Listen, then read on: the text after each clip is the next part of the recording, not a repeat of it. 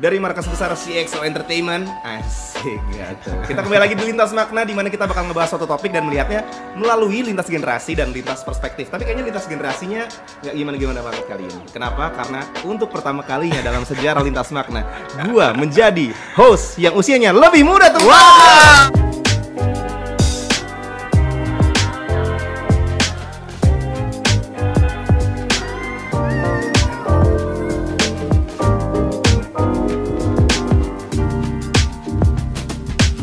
Biasanya kan cowok sama cewek juga. Bener. Tapi hari ini cowok sama cowok.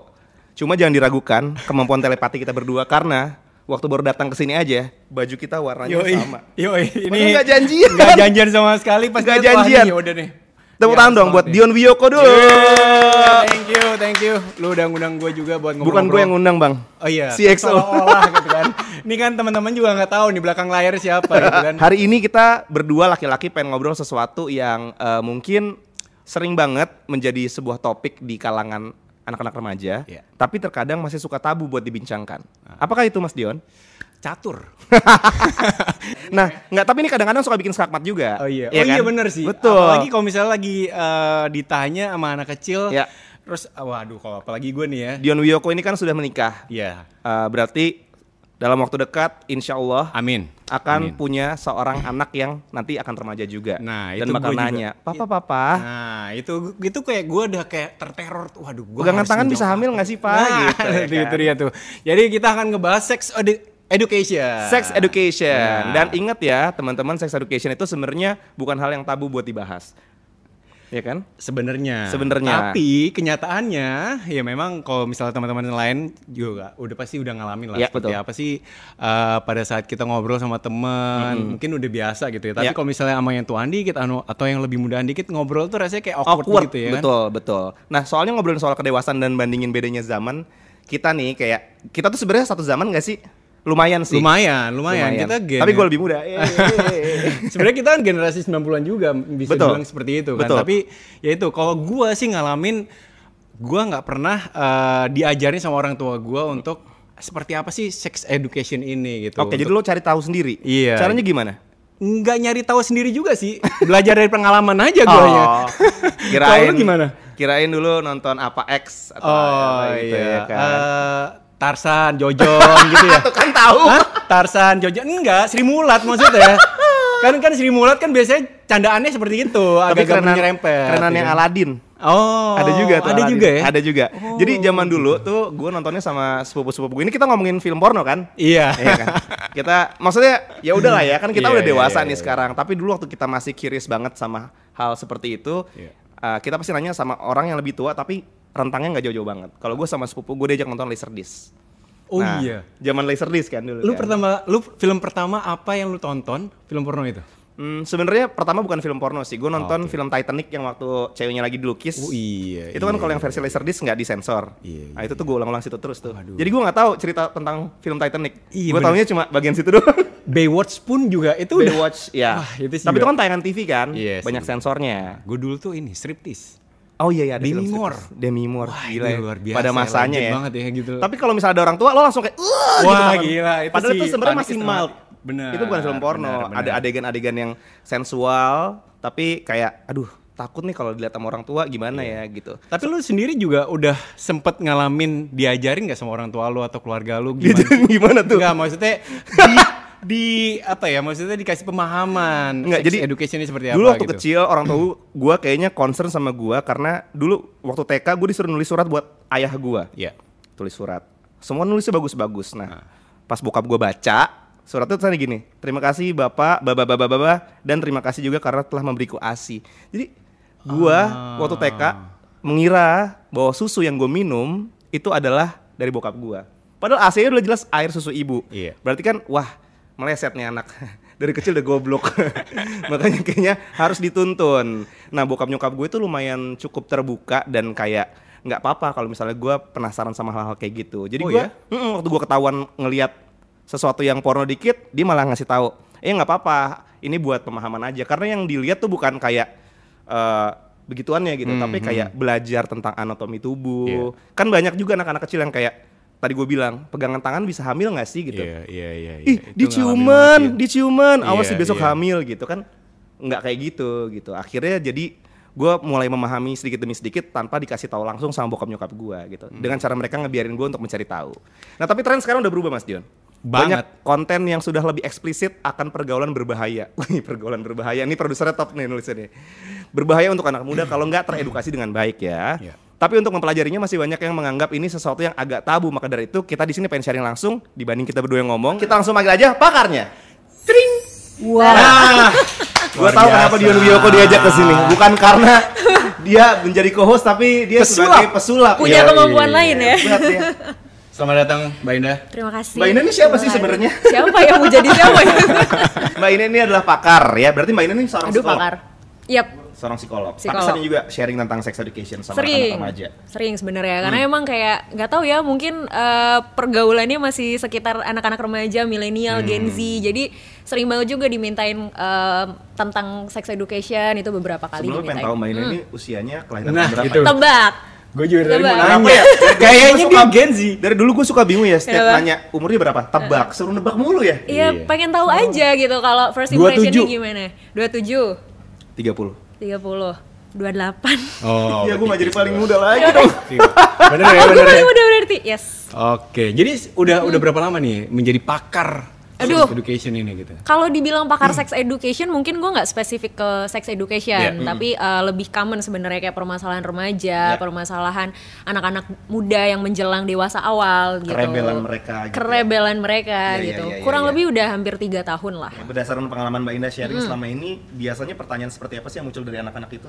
Hmm, yang pertama itu biasanya kebanyakan eh, kalau misal usia berapa nih rata-rata eh, aku harus tahu soal sex education itu pertama. Jadi sebenarnya gini, kalau kita bahas milenial atau Gen Z nih ya, kakak-kakak, kakak-kakak kan gue paling muda. Ledek banget berarti satu dekade nih masalah ini. Bener. Nah, jadi em, anak-anak sekarang tuh sebenarnya udah lebih kritis sih Hmm. gitu loh. Jadi mereka pertanyaan yang diajuinnya pun lebih kritis juga. Lebih Makanya dalam ya? lebih dalam gitu. Kayak mereka tuh udah punya kesadaran sebenarnya kayak Mbak Indah penting gak sih buat kita tuh tahu seks gitu Hmm. kan. Terus eh, sebenarnya seks itu tuh apa sih gitu kan? Ya bener banget tadi yang kata Kanino bilang kalau seks itu kan Oke, makin tua. Jangan lupa manggil Om ya. siap Om? Om Dion di belakang. Iya maksudnya kalau kita ngebahas soal seks itu kan kesannya kayak seksnya doang nih yang Iya. di di highlight gitu. Padahal kan sebenarnya ada educationnya. Terus kita bicara soal kesehatan reproduksi juga bagian Betul. dari seks gitu. Jadi anak-anak nih curious gitu dengan kayak kalau emang gue harus tahu soal seks sejauh apa nih yang harus gue tahu. Pertamanya kayak gimana dulu. Yang paling banyak sih biasanya kayak mitos dan faktanya gitu loh. Apa tuh mitos dan faktanya? Ya kayak tadi, misalnya contoh, emang bener ya kalau ciuman hamil, Hmm. gitu. Emang bener ya kalau minum di satu gelas barengan bisa Iya. hamil, hamil Iya, enggak iya, corona iya. iya. kalau sekarang. Tapi sebenarnya kalau misalnya di sekolah-sekolah tuh sekarang ini udah dikasih pelajaran sex education ini gak sih? Sebenarnya kalau dibilang udah atau belum mungkin nggak merata kali ya kak. Iya, ada yang iya, ada yang ada enggak. iya, ada yang Oh, enggak gitu. oke. Karena kita kalau bicara sekolah sistemnya juga nggak semuanya sama. Iya. Kurikulum di Indonesia tuh juga beda-beda Hmm. kalau terkait sekolah. Jadi emang yang paling enak sih ngajarin sex education pertama pasti orang tua gitu. Tuh, Tapi sih Waduh. sebenarnya kalau buat remaja sendiri ya karena gue pernah remaja ya juga dia Sama juga pasti pernah sih, remaja, lu juga alhamdulillah sama, remaja, kan?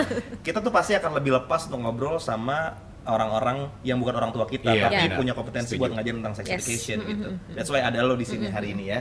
Eh, dengan begitu bisa dibilang nggak sih anak-anak zaman sekarang tuh lebih cepat paham soal ilmu yang berkaitan dengan hubungan antar lawan jenis. Karena kan sekarang arus informasi itu juga udah kenceng ya. Kita Parah. semua bisa cari tahu lewat internet. Terus abis itu lo pengen tahu apa-apa bener-bener tinggal nge-search di Google. Cepet banget tinggal ya. ngeklik. uh, nah, faktanya sex education adalah pengetahuan yang berisi tentang segala sesuatu yang berhubungan dengan yang tadi dijelasin ya iya. sama Ina ya. Ada apa aja Anatomi- tuh yang? Anatomi tubuh manusia, Yes. menjaga kesehatan reproduksi, hubungan seksual yang sehat, penyakit-penyakit yang berkaitan dengan organ pro- reproduksi dan penularannya. Yes, karena kalau misalnya kita uh, uh, selama ini kan orang nggak nggak banyak yang paham ya. Kayak ternyata tuh kalau misalnya kita nggak menjaga alat reproduksi kita bisa mendatangkan banyak penyakit. Iya, ini iya. terlepas dari melakukan seks atau enggak kan? Mm-mm, bener. Nah sebenarnya kalau misalnya sex education ini buat gua nih uh, yang sudah menikah yang mungkin bakal jadi calon orang tua nih. Sebenarnya tuh hal-hal apa sih yang harus diketahui mungkin orang tua orang tua muda saat ini yang mau dikasih ke anaknya itu seperti apa Oh, sih? oke oke oke. Pendekatannya seperti apa biar nggak awkward gitu? Nah, ini yang pertama nih. Tadi kan juga dijelasin ya sebenarnya yang pertama itu terkait dengan eh, organ-organ reproduksinya manusia nih Iya. gitu. Jadi sebenarnya kalau kita bicara soal tahap perkembangannya anak gitu. Anak itu kan belajar mengetahui berbagai hal itu pertama lewat mulut ya Iya. gitu. Jadi wajar Fase nih oral. fase oral. Ih, pintar. Jadi kan sering nih kalau kita ngeliat kayaknya anak kecil kok apa-apa dimasukin mulut, apa-apa Iya. dimasukin ke mulut. Nah, itu tuh sebenarnya tahap perkembangannya mereka. Nah, yang kedua setelah fase oral itu fase genital. Fase anal. Oral anal. Eh sayang salah ya. Nggak apa-apa, ya yang pertama eh, anal kan Ah. gitu. Nah dari anal ini juga kita belajar si anak ini belajar gitu sebenarnya kayak eh, alat-alat eh, kelaminnya mereka itu apa Hmm. namanya gitu fungsinya untuk apa. Terus nanti kan eh, begitu masuk genital mereka mulai belajar yang namanya toilet training. Jadi Hmm. sebenarnya hal pertama yang bisa kita ajarin ke anak itu adalah soal di badannya anak ini tuh ada apa aja sih namanya Ya. gitu itu fungsinya untuk apa gitu Ya. terus yang boleh megang siapa Hmm. yang boleh nyentuh apa eh, do and dance-nya mereka tuh apa gitu. Kayak misalnya kamu eh, boleh nggak sih ganti baju di depan orang tuanya Hmm. gitu. jadi kita juga sebagai orang tua tuh harus ngasih kayak hmm, apa ya peraturan lah gitu ke anak bahwa di usia sekian kamu kalau ganti baju harus di kamar mandi ya gitu. Apalagi kalau orang tuanya mungkin yang beda jenis kelamin Iya, gitu iya. kan. Sebisa mungkin itu dibatasin. Jadi anak juga lebih paham oh ada beberapa bagian dari tubuh saya yang sifatnya privacy dan harus saya jaga gitu Oke. loh Ya, tapi eh, kalau gue kan belum punya anak dan belum menikah, Yap. gue menganggap diri gue nih masih eh, di luar itu deh pokoknya deh. Kan lu belum tahu juga, sebenarnya mungkin ada di luar itu. Enggak ya? eh lanjut lanjut lanjut. Jadi bingung ya. Menurut Maina usia berapa baiknya orang tuh paham soal edukasi, eh, eh, edukasi seks Hmm. Yang paling penting sebenarnya remaja sih. remaja? ya? Remaja. Kenapa? Karena remaja tuh kan eh, reproduksi di badan mereka tuh sebenarnya udah berkembang juga ya, sih. secara sel, terus eh, apa namanya organ-organ mereka juga sudah mulai berkembang. Iya, apalagi gitu. menstruasi pertama. Nah, itu gitu kan. bener Bibi banget. basah buat Yes, cowok gitu ya. Sudah berpotensi sebenarnya untuk eh, melakukan penetrasi-penetrasi seksual dan Hmm. juga eh, menghadirkan keturunan sebenarnya gitu Iya. kan. Itu penting banget sih untuk untuk anak-anak eh, paham bahwa eh, apa sih pentingnya menjaga kesehatan reproduksi, menjaga organ reproduksi mereka gitu. Terus kalau mereka mau doing sex itu eh, konsekuensinya apa gitu. Itu yang harus mereka pahami. Jadi nggak cuman sekedar oh eh, kissingnya gitu eh, do sexual thingnya nggak cuman itunya tapi konsekuensi dari apa yang mereka lakukan gitu Tapi gue penasaran deh lo sebagai praktisi yang biasa ngasih penjelasan tentang sex education, pasti kan banyak remaja yang juga makin malah tambah penasaran setelah Yep. Iya. ikutan sex education Iya. kan. Gimana caranya lo ngasih tahu mereka untuk nggak ada batasnya nih gitu. Jangan lo tetap nggak boleh ngelakuin Iya. seks bebas atau seks di seks pranikah gitu. Itu gimana tuh? kalau gue pribadi biasanya balikin ke konsekuensinya sih Hmm. jadi kayak misalnya gini lu misalnya eh, free sex misalnya gitu kan Iya. Eh, konsekuensinya ya lu akan eh, hamil misalnya gitu di usia sekarang lu siap nggak dengan segala konsekuensi itu. Iya. gitu lu mungkin akan menjadi ibu di saat lu juga masih harus sekolah Mm-mm. gitu atau ada tanggung jawab lain nah setelah itu gue akan balikin lagi ke lu goalsnya apa dalam hidup lo Iya. ada nggak sih mimpi-mimpi yang masih mau lo kejar gitu kan Iya. ada nggak sih tujuan-tujuan lo yang emang belum tercapai Yes. itu dulu difokusin Bener banget, karena faktanya menurut data Komisi Perlindungan Anak Indonesia alias KPAI, tahun 2020 ada 2 juta kasus aborsi setiap tahunnya dan 30% dilakukan oleh kalangan remaja karena kurang pengetahuan mereka terhadap risiko hubungan di luar nikah. Nah ini kalau misalnya uh, buat gue juga nih, gue penasaran sih kalau misalnya nanti ini gue udah punya anak, gue pengen belajar parenting, gue pengen gimana sih cara menyampaikan sex education ini dengan baik, dengan seperti teman tuh belajarnya di mana sih sebenarnya yang baiknya nih? Iya, sebenarnya gini kalau kita ngomongin parenting ya, Iya. kak, eh, memang nggak ada ukuran bahwa oh begini yang baik, begini yang buruk gitu, karena kan tiap anak beda-beda, Iya. value tiap orang tua juga beda-beda gitu. Jadi sebenarnya emang dibalikin lagi ke value lu sebagai orang tua, terus anak nih maunya apa. Cuman yang paling penting adalah gimana caranya, khususnya ketika anak remaja nih ya, karena kan tadi ya krusial momen itu sebenarnya remaja sih gitu. Iya, iya. Remaja tuh kayak ya itu tadi gitu, rebelnya iya, terus mereka eksplorasi banget, Bener. semua pengen mereka lakuin. Nah, di usia remaja ini biasanya mereka tuh lebih pede atau lebih trust untuk cerita sama temennya atau sama orang yang tadi di luar orang tuanya gitu. Nah, gimana caranya kita sebagai orang tua memposisikan diri seperti itu gitu. Seperti teman. Seperti teman, kita kita tuh jadi temennya mereka yang bukan ngejustify mereka, bukan ordering mereka nunjuk-nunjuk tapi oke, lu mau cerita apa sama gue gitu. Betul. Uh, can I help you gitu. Mendingan ditanya gitu ya dibanding Mending mereka nyari tahu gitu. sendiri ya. Nah. Karena itu tadi baliknya jadi kita. Iya iya. Jadi Iya. lewat film-film yang Nah, nih ada fakta baru lagi nih. Komisi Perlindungan Anak Indonesia merilis hasil survei nasional KPAI. Jadi dalam situasi pandemi COVID-19 seti- setidaknya ada 60% anak Indonesia yang menggunakan media digital dan 22% anak Indonesia masih melihat tayangan bermuatan pornografi. Itu pasti juga karena mereka nggak mungkin juga salah satunya karena mereka ngerasa gue pengen nanya tapi sama siapa ya? Yep. Kemudian gue cari tahu sendiri gitu Apalagi kan. kalau misalnya lagi ada beredar ada berita-berita tentang video porno lah. Ya. Itu kenceng banget kan. Linknya gampang banget ke Iya. sebenarnya, tinggal diklik doang gitu. Benar, benar, Iya, iya. benar. Nah, ngeliat data tersebut, yang gue tahu nih soal dampak sering menonton video porno itu katanya ya, itu punya apa ya, punya side effect yang cukup buruk ya Hmm, buat iya. perkembangan anak. Karena eh, menurut riset, melihat video porno terlalu sering itu bisa membuat seseorang jadi sering berbohong. Betul. Terus fungsi otak menurun, Hmm. sulit buat konsentrasi, pemicu siklus kecanduan di otak, bahkan bertindak kriminal seperti pelecehan seksual. Nah ini kan yang bahaya kan. Kita kan uh, sebenarnya sex education salah satu kepentingan kita untuk belajar untuk tentang semua ini tuh adalah supaya kita juga nggak jadi orang yang In control lah ya Iya. gitu semua semuanya. Heeh. Dampaknya tuh beneran kayak gitu. Iya benar. Oh iya? Eh, separah parahnya itu. Jadi kayak tadi yang paling sering itu adalah ada eh, kesalahan di fungsi otak itu yang paling sering. Kayak gimana sih mbak kesalahan di otak? Maksudnya gimana ya?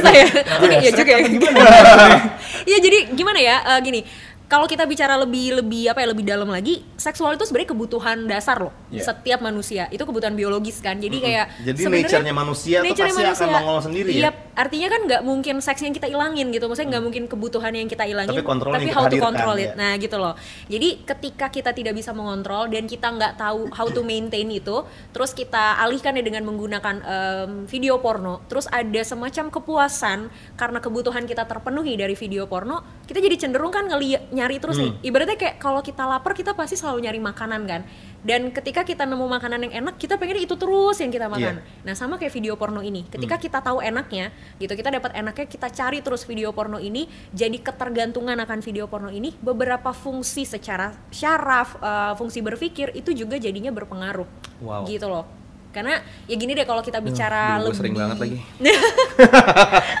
nggak maksudnya gini em, beberapa orang entah itu perempuan ataupun laki-laki kan kadang mereka em, melakukannya eh, by eh, themselves ya Iya. gitu kan kalau kita bicara soal bagaimana mereka mengeluarkan hasratnya itu kan sendiri gitu itu kan juga sebenarnya nggak sehat gitu Iya. kalau untuk terus-terusan dilakukan Sama tadi gue Gitu. tertarik sih sama satu faktanya, itu bikin orang tuh jadi lebih mudah untuk melakukan pelecehan seksual Yap. dan itu menurut itu gua- itu jelas banget sih. Iya. Sekarang kan lu lihat sendiri kalau misalnya video-video yang viral di Instagram gitu bocah SD gitu udah udah melecehkan seksual Iya. dengan temannya atau yang lebih tua juga bisa ber- seberani itu gitu kan. Benar-benar. Tapi kalau misalnya dari pengalamannya Indah sendiri gitu ya, udah banyak klien-klien yang konseling sama Indah gitu. Tapi seberapa sukses sih gitu uh, setelah dikasih penyampaiannya seperti apa, solusinya seperti apa?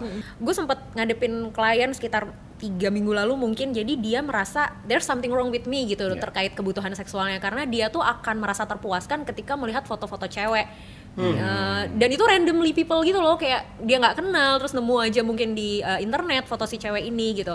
Yang curhat tuh si pacarnya gitu kayaknya eh, cowok gue bermasalah di mbak kayaknya bla bla bla bla bla. Terus akhirnya diarahkannya bahwa yang penting orang ini sadar dulu nggak bahwa yang lo lak- Salah. yang lo lakukan itu Iya, salah iya, iya. gitu. Lo lo menyadari itu sebagai apa gitu. Eh, suatu hal yang ideal suatu hal yang benar atau suatu hal yang salah. Ketika dia menyadari itu sebagai suatu hal yang salah barulah proses healingnya akan menjadi lebih mudah. Jadi nanti dialihkan nih misalnya eh, seberapa sering sih lo mm, merasa butuh banget nih untuk disalurkan kebutuhannya itu gitu hasratnya itu.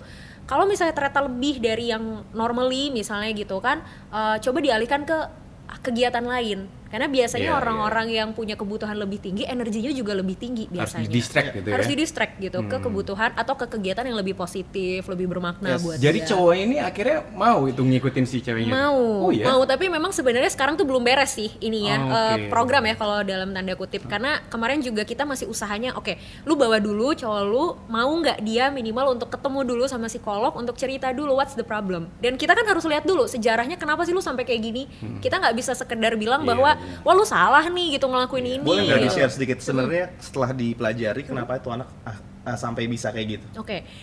Eh, sebenarnya kenapa sampai bisanya eh, beberapa orang tuh beda-beda ya gitu. Kalau dia ini gue bicara secara umum aja kali Oke, ya. oke. Eh, kenapa ada yang kayak gitu. Jadi pertama kita bisa lihat juga dari masa kecilnya dia. Kayak tadi eh, kita bahas Trauma. yang oral anal genital tadi. Iya, iya. Nah, kalau misalnya tidak terpenuhi dengan baik gitu, biasanya jadinya larinya akan ke arah-arah yang penyimpangan. Hmm. Kalau misalnya banyak dibatasin. Misal nih, eh, di fase genital itu kan anak akan mulai sering megang guling tuh, Iya. gitu. Karena memang kaitannya dengan em, apa namanya organ reproduksi mereka kan. Nah, kalau misalnya anak dilarang tuh, dilarang buat no nggak boleh gitu kan, mereka mendapatkan kepuasan dari eh, sorry to say menggesek alat kelaminnya, misalnya dengan guling gitu. Mereka mengenal itu bahwa oh uh, this is mine this is uh, privacy buat saya gitu kan. Nah ketika itu di uh, dibatasi parah-parahnya ini kita bicara ekstrem ya. Parah-parahnya nanti ya terakhir mereka mungkin akan melakukan hal yang ya kita bisa bicara banyak banget lah gitu. Orang-orang yang em, tiba-tiba misalnya menunjukkan alat kelaminnya di depan orang umum itu kan kita sering dengar ya Iya, cerita-cerita iya, kayak gitu.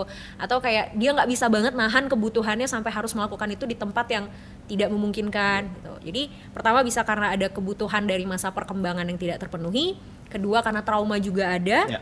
ketiga karena memang eh, inner inner self-nya dia gitu loh. Kayak dia ngerasa gue kayaknya nggak ada deh yang suka sama gue gitu, Eh, kayaknya nggak ada yang bisa nerima gue dengan keadaan gue seperti ini. Jadi gue eh, do it by myself aja terserah gue deh, yang penting keluar misalnya gitu. Berarti ya, emang kita harus lebih banyak belajar lagi sih Yep. tentang hal yang kita anggap tabu.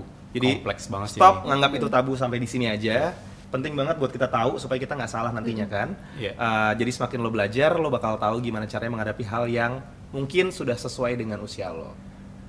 Jangan sampai salah beraksi, pastikan lo teredukasi.